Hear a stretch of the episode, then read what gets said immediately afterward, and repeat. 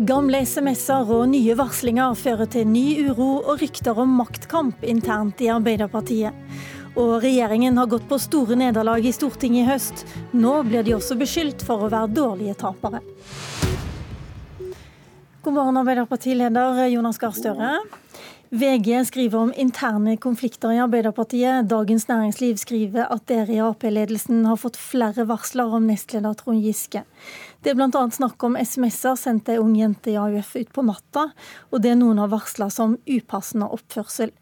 VG skriver om spent stemning i Arbeiderpartiets stortingsgruppe, og at to medarbeidere begynte å gråte da de skulle beskrive situasjonen. Jonas Gahr Støre, er det en intern maktkamp som nå pågår i Arbeiderpartiet? Nei, det vil jeg avvise, eh, og det kjenner jeg meg ikke igjen i det som avisene her skriver. La meg først si for dette handler jo om det temaet vi har vært opptatt av i høst, metoo og uønsket eh, opptredende atferd. For oss er det et stort og viktig tema. Eh, som leder av Arbeiderpartiet vil jeg si til vår organisasjon at vi har nulltoleranse mot trakassering, upassende opptreden. Og det viktige nå er at de som har noe å si, de som har noe å fortelle, har opplevd noe, skal være trygge for å kunne stå fram. Det håndterer vi godt i vår organisasjon. Vi har retningslinjer, vi har håndteringsprosedyrer for hvordan vi kan gjøre det på en skikkelig måte for de som har noe å fortelle, og for de som har noe å bli fortalt om. Men av det jeg har sett i avisene, og som er omtalt der, er ikke av en sånn karakter at jeg mener det er grunn til å fremme anklager eller reise det som en sak. Det er snakk om uh, saker som, om, som, går tilbake i tid, og ingen står fram som krenker. Men DN skriver som tre tilfeller som likevel er varsla inn til ledelsen. Har Trond Giske opptrådt upassende? Nei, etter det jeg har lest i, avisene, så må jeg bare avvise det. Og la meg understreke at hvis du skal behandle saker, så må det være en sak, noen som står fram. Uh, de skal være trygge for at de kan gjøre det. Det er ikke tilfellet i disse sakene som avisene uh, her har omtalt, så det kjenner jeg meg ikke igjen i. Men det har vært snakk om, bl.a. har det vært mye diskutert etter at medlemmer i Arbeiderpartiet ble advart mot å bruke rykter om trakassering i maktkamper i partiet. Er det det som skjer nå? Nei, men der er vi tilbake til utgangspunktet. Hvis du har noe å fortelle om, så skal du fortelle om det, være trygg for det. Ingen skal sette merkelapper på at det er i den kategorien eller i den kategorien. Så har vi et robust system for å ta imot og behandle det. Eh, og det veldig, har vi gått igjen, grundig gjennom i høst for å sørge for at hele organisasjonen vet om det. Du vet hvor du kan melde det inn. Politikk er jo alltid en innsats for makt og posisjoner og gjennomslag. Nå samler vi oss for å kunne være en god opposisjon. Vi har tapt valg sammen, og vi skal vinne nye valg sammen. Og Det er den oppgaven vi har. og Så får vi tåle at mediene skriver om det. Men som sagt, jeg avviser det. Jeg sitter som leder av Arbeiderpartiet. Føler det er en eh, god posisjon for å føre politikk i Stortinget på. Så det er helt feil at det også er uro i partiet? Jeg skjønner jo at det blir uro når du får de oppslagene som du, du, nå tegner i avisen. Det er ikke rart, det. Jeg skal ikke nå gå inn og kommentere i detalj hva jeg har lest der. Jeg har meninger om det. Eh, men det er nå avisenes jobb. Eh, jeg svarer på dine spørsmål. Jeg opplever ikke at det er maktkamp i Arbeiderpartiet. Og det viktige temaet for meg er å få fram at i en høst hvor mange opplever nå at du får et tema om hva som skjer på arbeidsplassen. Er du trygg hvis du er særlig kvinne, hvis du er ung kvinne? Og mitt svar til alle dem er ja, du er trygg. Har du noe å fortelle, stå fram. Vi skal ta det på alvor. Og vi har gode prosedyrer for å gjøre det på en skikkelig måte. Ok, takk skal du ha. Vi skal over til en større maktkamp, den som foregår hver dag i Stortinget. I ganske mange saker har den kampen endt med nederlag for regjeringen. F.eks. lærernormen, som Høyre og Frp måtte gå med på for å få gjennom statsbudsjettet. Og dagen derpå var statsminister Erna Solberg klar på at reformen ikke var Høyres idé. De som får mest ressurser nå, er de som har høyest gjennomføring, høyest karakterer, best skoleresultater. Eh, de områdene eh, i landet hvor folk har høy, foreldre med høyest inntekt, mest universitetsutdanning, de kommer nå til å få mer ressurser til sine skoler.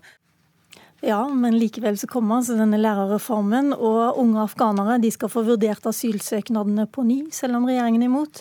Pappapermen skal utvides, skolebarn skal ha fysisk aktivitet hver eneste dag.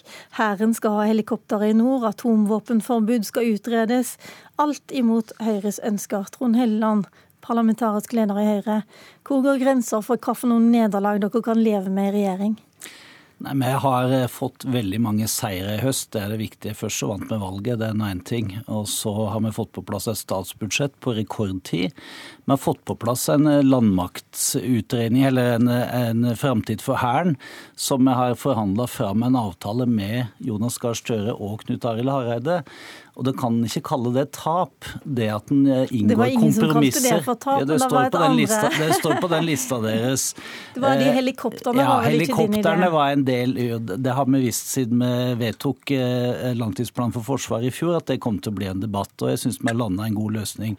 Så vi er veldig fornøyd med, med situasjonen. Vi har opplevd at eh, regjeringen har fått gjennom budsjettet. Vi har fått gjennomslag for mange, mange, mange saker. At vi går på noen små nederlag i Stortinget Stortinget, det kan vi leve godt med. Men det må være lov å argumentere for hva vår primærstandpunkt var. Og det var det Erna gjorde når det gjaldt lærernormen.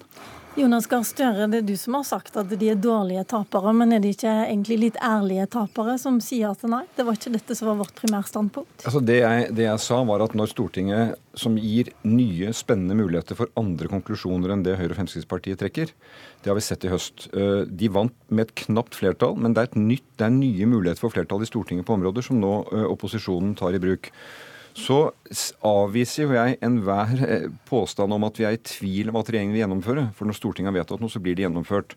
Men det vitner jo om tvil når de argument, fortsetter å argumentere mot en sak etter at den er vedtatt. For da kan man reise spørsmålet på hvilken måte blir den gjennomført. Og da lurer jeg på, Er du bekymra for at det blir gjennomført? Ja, da blir jeg litt bekymret. F.eks. jeg var ute på en skole her i Oslo, på Romsås, hvor de nå har gjennomført fysisk aktivitet en dag i uken. Rektor sier at det går helt fint, vi finner fleksible, gode løsninger. Det skal vi gjennomføre. Og så blir han liksom latterliggjort av kunnskapsministeren på Twitter og sosiale medier at dette egentlig bare er tull og tøys. Så på disse områdene så kreves det gjennomføring med vilje.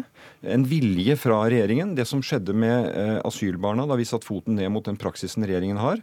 Nå er det gått eh, over en måned siden det, og statsråden svarer med å stille med 26 spørsmål, som jo helt åpenbart viser at hun ikke har hastverk med å gjennomføre vedtaket vårt, og det bekymrer meg. Men hvis dere skal gjennomføre f.eks. lærernorm eller fysisk aktivitet, så er det kanskje grenser for hvor lenge du skal argumentere mot det, Helleland? Ja, det er klart at eh, det som er vedtatt skal gjennomføres. Det er bare å slå fast. Eh, men så er det jo da rom for tolkning av noen av disse vedtakene. Asylbarn er jo et eksempel. Der er det altså mange ubesvarte spørsmål. Det ble fatta et vedtak i Stortinget mot våre stemmer, men det må da faktisk være sånn at eh, en i hvert fall kan stille det spørsmålet til opposisjonen om hva er det egentlig at dere ønsker skal skje i denne saken. Men det ville altså ikke partiene svare på, så da må regjeringen tolke det og utforme svar som eh, svarer på opposisjonens vedtak.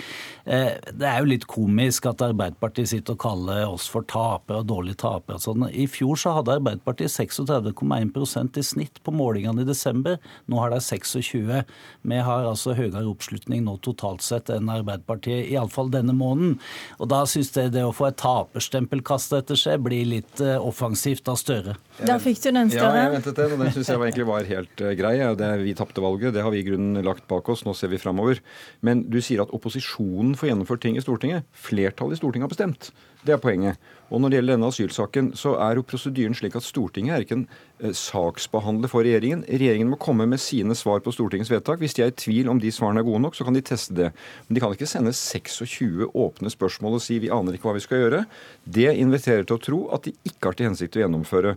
Du nevnte 13 saker som de har fått uh, mot, uh, mot, seg. og jeg, jeg, jeg, vil jo se inn i 2018 at det, det viser at det er mulig nå å få gjennomslag på flere områder som vi skal ta tak i. Få flere i jobb, få større gjennomføring i skolen, bedre tiltak for våre eldre, klimapolitikk. Okay, ikke dra Høyre den lista akkurat nå. Knut Arild Hareide, KrF-leder. I en rekke av disse sakene så er det jo du som har vært med på å sikre dette flertallet som gjør at regjeringen eh, ikke har fått sin vilje igjennom. Ser du paradokset i at eh, dere gjorde det absolutt dårligste stortingsvalget noensinne, og så får dere mer igjennom eh, kanskje enn på svært lenge? Ja, Hvis vi skal diskutere taperstempelet etter valget, så ligger jeg godt an til å få det. Eh, men jeg tror ikke det norske folk er så bekymra over at det er Stortinget som bestemmer i den type saker. Vi har et demokrati, nasjonalforsamlinger, og dette har jo vært normalen i norsk politikk. Og Hvis du spør det norske folk, er de bekymra over at vi får flere dyktige lærere til de mest sårbare barna, og at vi får en standard over hele landet? Nei, det tror jeg slettes ikke de er bekymra over. De vet at dette vil Utdanningsforbundet Dette ønsker lærerne, dette ønsker foreldre, dette ønsker elevene. Og Hvis vi har en utdanningsminister som er bekymra for, for, dette, ja, da har ikke han mange bekymringer. Men du har, en av de tingene du har vært med på å sikre flertall for, det er en regionreform som ikke akkurat var Høyre eller FrPs første ønske. Og det var heller ikke ditt første ønske, faktisk. Du har sittet i dette studioet og sagt at det var absolutt store mangler, f.eks. Ja, med Viken. Jeg er veldig for en regionreform, men jeg syns at den strukturen vi lander på, den syns ikke jeg har vært god nok. Men der må vi òg akseptere Burde at vi skal... du da stemme for han?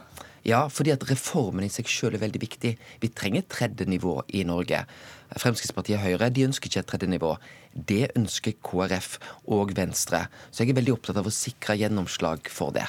Men så er det jo sånn at eh, vi vet jo at mindretallsregjeringer de må jo leve med saker som ikke de alltid er fornøyd med. Da vi satt i regjering, så kom jo bl.a. et barnehageforlik det viste seg å bli en ganske god løsning for landet, og Bondevik II ble jo òg med på det. Da vi satt i Bondevik I, så stemte stortingsflertallet ned bl.a. at vi skulle ut av tobakk og røyk.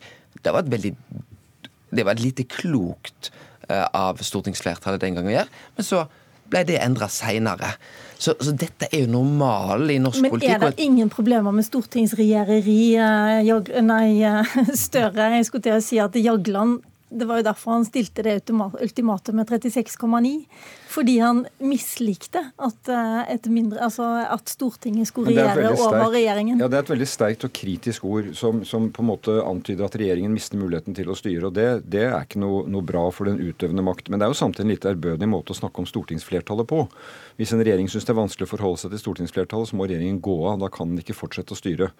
Eh, men la meg komme tilbake til dette med regionreformen. Det er kanskje noe av det som eh, En helt spesiell sak. For her er det jo et forslag som er fremmet av regjeringen, som egentlig er mot. Det er ikke stortingsflertallet som har påført dem den saken. Men nå skal vi f.eks. Min gode kollega Trond Helleland fra Drammen han tilhører nå Viken. Det er en region på 1,2 millioner mennesker som nesten ingen er i stand til å si et godt ord om. Og det blir vedtatt. Og Hareide, som jo har sagt at han syns denne har store mangler, han vedtar den også. Og, og, det er å tukle med norgeskartet på et veldig viktig måte. Nå skal man planlegge videregående skole fra Hallingskarvet eh, til Halden, rundt hovedstadsregionen, og den blir kjørt igjennom. Og nå skal den altså gjennomføres av en regjering som har foreslått den, men som er imot den. Et flertall som egentlig ikke tror på løsningen. Eh, og jeg er urolig på det, fra Troms og Finnmark i nord til Viken i sør, at dette er en måte å oss, håndtere flertall på som ikke er særlig ansvarlig. La oss høre med Helland er det en reform dere kommer til å forsvare med nebb og klør? når ja, er det gjør vi absolutt. og det, det, er jo også et godt eksempel på at Arbeiderpartiet har eh, kanskje ikke hatt så mange store seire i høst. fordi det første de gjorde, og i trontaledebatten så hadde Støre replikker til meg om Viken. Eh, det første Arbeiderpartiet gjorde, var å fremme en rekke forslag om å reversere alle deler av regionreformen. Det fikk det altså ikke gjennomslag for. Der har vi en skriftlig avtale med KrF. Vi står ved den. Men la oss nå men, se men, det fra oss eh, vanlige folk som ja, skal stemme på dere, og som ikke minst skal bo i denne Viken. Ja, hva er problemet, spør jeg. Altså Det at du får flere videregående skoler å velge mellom. Du bor i Drammen, du kan gå på videregående skole i Asker. Det vil bare være en fordel for elevene. Det er en, eh, det, Men hadde det ikke vært en fordel at det var noen som syntes det var en strålende idé? Viken er den femte største regionen i utstrekning av de elleve regionene. Altså, det er ikke noe kjempe... Det, jo, men det er bra at det er mye folk, det blir jo effektiv drift. Det må jo være helt fint. Men jeg syns på en måte det er en liten avsporing. Det som skjedde, var jo at vi fikk gjennomslag for en stor kommunereform. fra 428 til 354 kommuner, og så var det to kommuner som fikk lov å omgjøre tvangsvedtaket. Så jeg syns vi har fått en kjempeseier der, men det står på lista di over hva vi har tapt. Eh, og da, da blir det på en måte sånn at eh, ålreit, vi vinner store seire, og så går vi på noen små nederlag. Det kan vi leve med. Okay, men hvis regjeringen syns det blir for mye, så må de jo begynne å diskutere det. Men det er ingen som har følt noen smertegrense nå i høst. Vi har hatt noen eh, små nederlag, men vi er er veldig fornøyd med at ledigheten går ned og veksten går opp, ja, og vi har Norge på riktig retning. Spørre, blir det en sterkere regjering hvis Venstre blir med? Ja, det blir jo ett parti til, og det blir spennende situasjon i Stortinget, for da vil Kristelig Folkeparti i mye større grad være på vippen, men samtidig så vet vi at vi kan inngå avtaler med Arbeiderpartiet enkelte ganger, Selv om Støre har sagt nei til det i det generelle, så har vi jo gjort det på landmakten. Senterpartiet har sjøl sagt at de er villige til å være med å danne flertall for regjeringspolitikk der de er enige. Så regjeringen har jo mulighet muligheter til å manøvrere i Stortinget, og det Veldig må vi utnytte. slutt, Støre. Da må regjeringen opptre på en annen måte, for det må, være en, en, en, det må komme med saker som flertallet i Stortinget vil ha. Og jeg tror stortingsflertallet kommer til å markere seg på områder som kommer til å uh, gå regjeringen imot, og det er vår oppgave å gjøre, å få gjennomslag for vår politikk. Hjertelig takk, Jonas Gahr Støre, Trond Helleland, Knut Arild Hareide. Mitt navn er Lilla Sølhusvik. Følg Nyhetsmorgen videre og Politisk kvarter igjen på mandag.